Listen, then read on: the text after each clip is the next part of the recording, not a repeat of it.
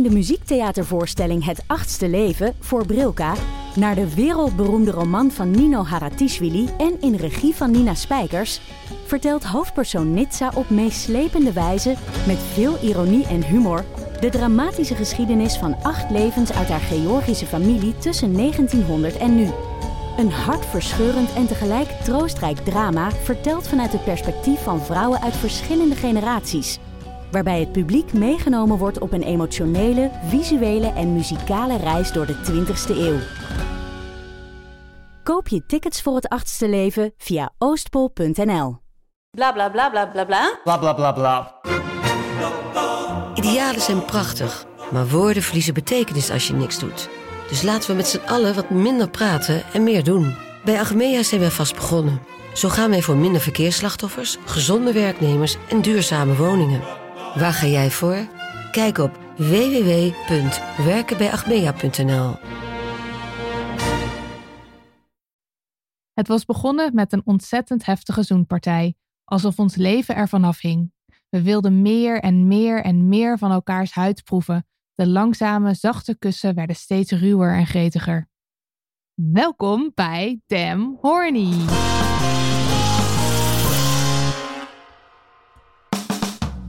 Deze bonusserie praten we met een aantal auteurs die een bijdrage hebben geschreven voor onze bundel seksverhalen getiteld Damn Horny. En dit is alweer aflevering 3. Zeg niet ja. Uit hoeveel afleveringen bestaat deze serie eigenlijk? Nou, Marilotte, ik zou dat jou eens even haarfijn uit de doeken doen. Doe jij dat eens? We nemen er nu vier op. En dan hopen we over een week of twee nog meer mensen te spreken. Maar we kunnen niet echt beloven hoeveel er gaan worden. Nee. Maar dan hebben de mensen een idee, zo ongeveer. Eh, die reeks steamy zinnen die ik daarnet zo zwoel voorlas, eh, komen uit het verhaal The Afterparty, geschreven door onze eigen stem Meerte Spiteri. Ze is de founding mother Ja, van uitgeverij Blossom Books, eh, die onze boeken uitgeeft. En met haar praten we in deze aflevering over haar relatie met seks en hoe het voelt als je boekenvakcollega's misschien wel je geile verhaal gaan lezen. hallo, welkom. Hallo. Hallo. Ja, nou zit je in het boekenvak. En dan eh, heb je twee van die eh, feministen eh, in je uitgeverij uh, Heel rondhuppelen. vervelend. Ja, en die zeggen dan, yo, laten we een seksboek maken. Wat is dan je eerste reactie? Nou, jullie pitch was gewoon heel goed. Eh, dus ik dacht meteen, ja, is goed, doen we. Eh, ook omdat ik jullie aflevering had gehoord over porno, dus ik wist hoe de zaken ervoor stonden. Ehm, maar nu deze week het boek uit is gekomen van AFTH van der Heijden, denk ik alleen maar, oh my god, ik ben zo blij dat we dit gedaan hebben. Ik kan alleen nog maar blijer zijn dan het moment, zeg maar, dat ik echt ja had gezegd. Ja, ik vind het echt best wel fantastisch eigenlijk. Dat als er dan zo'n boek moet verschijnen, dat dat nu op dit moment gebeurde. Want het is ook wel weer... Misschien even heel kort, Marilot, wat is Ja. er mis met dat boek? Eh, nou, het boek A- van AFTH van der Heijden is uit. Het heet Stemvorken. En de, met de titel is al zoveel mis. Want dat is, Stemvorken is dus zeg maar een soort verwijzing naar, naar scharen. En dat is hoe eh, deze man denkt dat lesbische vrouwen seks hebben. Dus eh, hij heeft ooit eens, dat las ik in het interview met hem in de Volkskrant, hij heeft ooit eens een hele lompe, vrouwenvriendelijke man horen zeggen eh, dat hij bij het idee van vrouwen die seks hebben, dat hij dacht aan zuignappen. Ja, Eh, dat hij zegt, en, en dat is hem zo bijgebleven, dat hij zo aan het denken sloeg over, nou, hebben vrouwen dan godsnaam seks? Nou, dat moet dan wel scharen zijn. En dan heeft hij helemaal de stemvork en de stemvorkligging bedacht. Want het gaat dan over twee vrouwen, eh, die allebei getrouwd zijn met een man. En die mannen zijn dan aardsvijanden van elkaar. En die ook allemaal ex-geliefden en weet ik wat. En die vrouwen krijgen een relatie met elkaar. En de man wordt buitenspel gezet. Dus het idee is ook, maar die kijkt dan wel mee door het ja, die sleutelgat kijkt of zo, mee door het sleutelgat. Ja, maar de- ik, ik heb dus zoveel emoties Ja. hierbij. ik zou Ja. er zoveel over willen zeggen. Maar ja, ik denk dat het allertofste gewoon zou zijn als jullie samen in de bestseller 60 zouden staan. En dan Ja. ook liever nog Ja. hoger. Daarboven. Ja, Boven, liefst ja. erboven. Maar goed, ik weet niet of Ehm, dat iets... Of het haalbaar is, maar het zou wel vet zijn. Als Ja. alle Damn Honey luisteraars of Instagram fans het zouden kopen, wellicht. Maar Dit is meteen een kleine oproep, hallo. Trouwens, heel veel Maar- mensen in onze DM zeiden eigenlijk moeten jullie nu een 800 pagina's dik boek gaan schrijven over het seksleven van de AFTH van der Heijden. Ja. oh, alsjeblieft niet. Maar hij zei ook in een interview dat, hij, dat het wel vanuit de vrouw dan geschreven was, Ja, toch? Omdat dat- hij dan soort van een vrouw wordt tijdens het schrijven. Nou, Het- Nee, en nee, want dat kan helemaal niet. En je ziet ook, ik las, een, ik las nog een recensie van iemand en eh, van volgens mij heet hij Daan Lameijer. Ja. En eh, hij had ons ook eventjes laten weten dat hij een, eh, een Recensie, recensie had geschreven. En daarin, hij is dus heel erg gaan kijken van, is de male gaze hier dan inderdaad weg? Is het zo dat er een vrouw aan het woord is? En hij zegt, nee, dat is niet zo. Want je ziet aan allerlei zinnetjes door het hele boek heen, zie je dat er een man aan het woord is. Ja. Ik zal, ja, kan het in de show Ja, notes? maar- Ja, dat kan in de show Ja. ook al die interviews, ja, ik, ik, kan er, ik wil er niet veel over zeggen, want ik heb het niet gelezen. Maar de manier o- in de interviews waarop hij erover sprak, dacht ik, ja, eh, ja, gewoon alsof het een soort van dat, dat hij dan zei, ja, ik heb ervoor gekozen om liefdevol erover te schrijven, want het is eigenlijk heel plastisch. Weet je wel, hoezo? Ja, En en, ook- niet afstandelijk of En zo. niet terwijl- afstandelijk. Huh? En, Ja. en dat hele stemvork, ja nee, maar ik zag vrouwenliefde als iets moois. Weet je, alsof het een soort van godsgeschenk is dat hij dan op een mooie manier over vrouwenliefde kan. Ja, Ja. ik weet dat niet. Ik, eh, we doen nu net alsof hij de lesbische seks heeft uitgevonden. Hmm. Vrouwen die seks hebben, scharen. Ja, geef hem de Libris Literatuurprijs. Weet je dat? Eh, Nou ja, Maar goed, wel- laten we er verder de... Wel fun fact dat in ons verhaal, dus Marilotte en mijn verhaal, zit wel degelijk een schaarfantasie. Ja, absoluut. En dat is een echte van jou, toch? en Die ik- fantasie. Die van, nou ja, het is een filmpje waar ik lekker op ga. Precies. Maar het is ook niet zo dat ik scharen als concept of als ding eh, af wil doen als niet waar. Of dat vrouwen dat niet zouden doen of zo.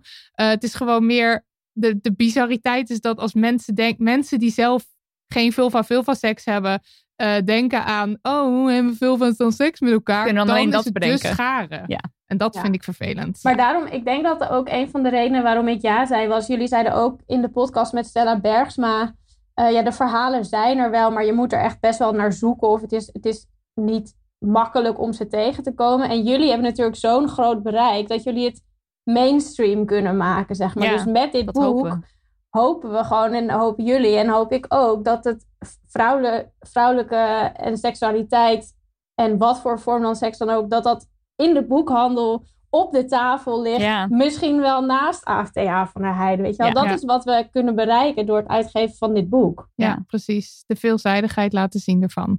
Maar waarom we je te gast hebben, is omdat je ook een bijdrage hebt geschreven. Eh, was dat ons idee? Was dat jouw idee? Ik weet het even niet meer. Hoe ging dat? Volgens mij was het jouw idee. Ja, Ja, je, jouw hebt eigen jezelf, idee. je hebt het over jezelf afgeroepen. Dus je eigen het- schuld allemaal. nou, dat, ja, dat klopt. Ik was aan het calculeren en we gingen dus bedenken hoeveel bijdragen kunnen we financieren. Ehm, maar we wilden hem natuurlijk zo dik mogelijk. En toen dacht ik, het lijkt mij fantastisch. Oh, dan doe ik er ook wel één bij. Dat is een verhaal Doe extra even. waar ik zelf niet voor hoef te betalen. Dus ik riep dat meteen. En later begon ik eigenlijk pas te bedenken wat dat precies betekende. Ehm, dat ook mijn collega's het verhaal moesten redigeren. En dat Ja, ik zeg dus maar je met directe naam... collega's, die jij ook a- aanstuurt en waar je mee samenwerkt elke dag, die moeten het gaan lezen inderdaad. Ja. ja, En wat is de Ehm, reactie van je team? Nou, ik heb alleen Linda heeft het nog gelezen en zij doet de redactie en ook een externe. En daarvan, toen stond alleen nog mijn voornaam erbij. Dus ik weet niet of zij toen hebben gerealiseerd dat dat dan Meerte, dezelfde Meerte was als... Oh, je hebt het eerst alleen met je voornaam ingeleverd. Ja, maar Hm. Linda wist het wel. Maar toen had ik het gewoon opgestuurd en gezegd... Oké Linda, hier is mijn verhaal. Wil je er even puur textueel naar kijken? En verder hebben we het er niet meer over. Maar uiteindelijk, dat merk ik, kijk, als ik zelf deed ik de redactie ook van alle andere verhalen. En je bent gewoon met de tekst bezig. Dus je bent helemaal niet bezig met, oeh, die persoon heeft dit geschreven. Nou, oeh, oeh. Ja, Ehm, dus op een gegeven moment kreeg ik ook het bestand terug van Linda met opmerkingen als, zit ze hier achterstevoren? Ik zie niet helemaal hoe dit werkt. Ja. Eh, Mm, ja. dit kan misschien nog iets opwindender, weet je wel. Ja, en dan ga je daar weer mee aan de slag. En toen was het eigenlijk heel normaal. Maar Ja. nu, straks de volgende stap, wordt wel weer spannend, denk ik. Ja, want dan ga je met naam en toenaam dat boek in. En dan zien je boekenvakcollega's, zeg maar buiten de uitgeverij, ook nog hoe Ja. en wat. Nou ja, ik denk dat? boekenvak, ja, mijn boekenvakcollega's die zullen er eerder denk ik wat van vinden dat ik mijn eigen verhaal uitgeef. Dat is Hmm. natuurlijk echt Oh, best wel raar. is dat oh, een daar had ik raar niet even over nagedacht. Nee, ik ook niet. het ook nog gezegd dat het mijn eigen idee was. Ehm, dus dat is wellicht maar zwaar aangemoedigd door ons, hè? Ja. dat dat wel duidelijk is. Ja.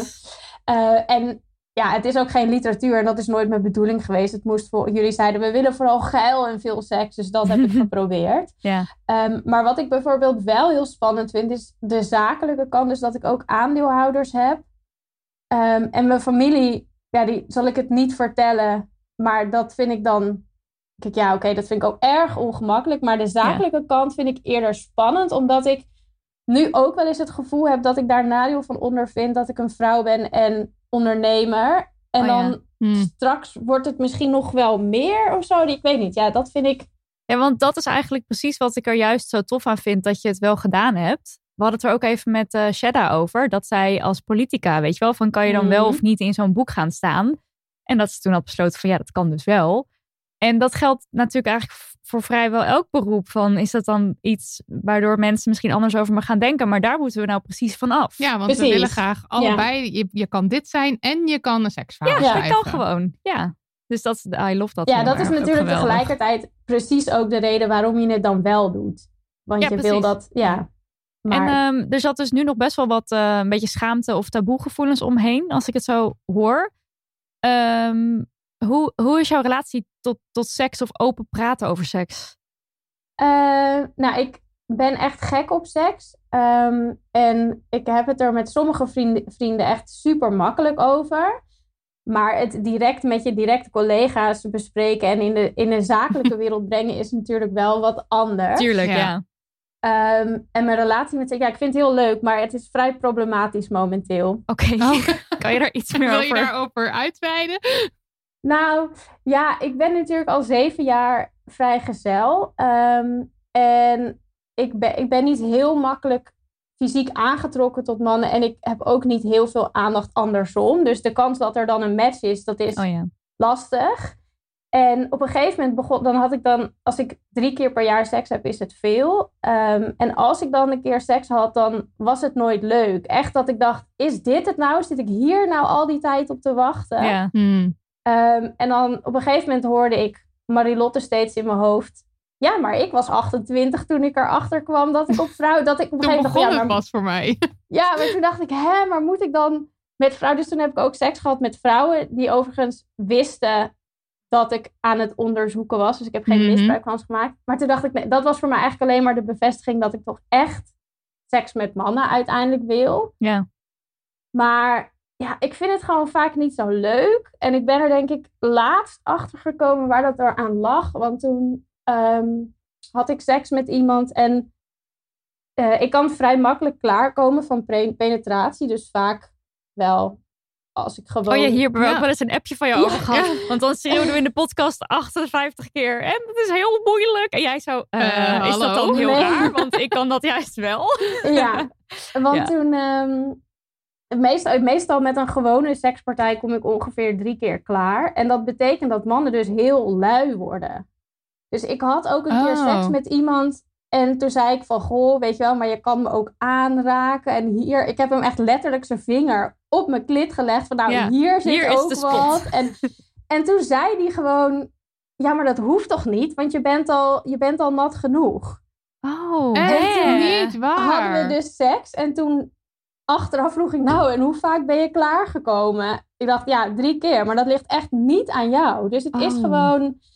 Maar het had Ik- gewoon ook meer kunnen zijn. Oh, dit is waarschijnlijk. echt dus in jouw geval. Ja, want En hij denkt dan misschien van, oh, drie lekker keer gescoord, want drie keer is vet veel. Eh, terwijl voor jou is dat gewoon. Ja. Ja, ik denk dat een man zichzelf dan snel op de schouder klopt Ja. van, oh, dat heb ik gedaan. Terwijl eigenlijk is het alleen maar de penetratie die daarvoor zorgt. Ehm, terwijl ik het juist in seks heel erg mis dat iemand mij aandacht geeft. Ja. Dus dat, het, eh, dat iemand meer zijn best... En daarom vind ik het gewoon vaak zo saai. Dat ik denk, ja... Hmm. Maar, Ja, maar je, je- jij durft het dus, of jij durft, je, je hebt dus wel de assertiviteit om dat te zeggen. Oh ja, daar heb ik geen moeite mee. Nee. Ja, maar het is ook wel vervelend als je iemand de hele tijd eraan moet trekken. Ja. en het is ook, eh, ja, als je niet zo vaak seks hebt. En dan op een gegeven moment dacht ik, nou ja, dan maar met deze. Maar dan heb ik in ieder geval seks. En toen was het ook vaker gewoon slechte seks. Dus dat je dan denkt, ja, jezus, Doe je het daar, Daar nou doe ik voor? het voor. doe ja. ik het daar nou voor? Ja, dat wil je dan ook niet. Dus eh, het is, eh, ik hoop dat het eh, verbetert. Maar ja.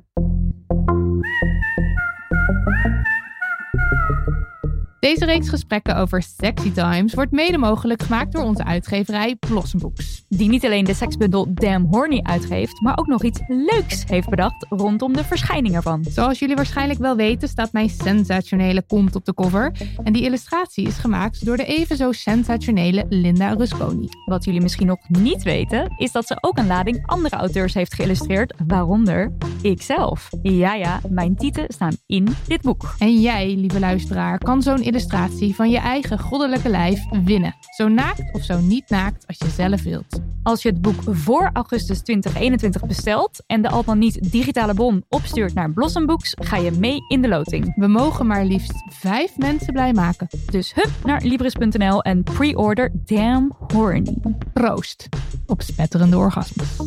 En uh, is je verhaal uh, gebaseerd op uh, waar gebeurde intimiteiten? Activiteiten. Als je dat wil delen, hoeft niet. Maar... Ja, ik heb wel eens een trio gehad met twee mannen. Maar toen was ik heel jong, ik denk 22. En ik, wat ik heb onthouden is dat ik het vooral echt heel veel werk vond. Gedoe. Ik was natuurlijk toen ook echt, was ik, ja, toen was ik ook nog jong. Het was niet zo assertief als nu. Dus was ik alleen maar bezig om die mannen te plezieren.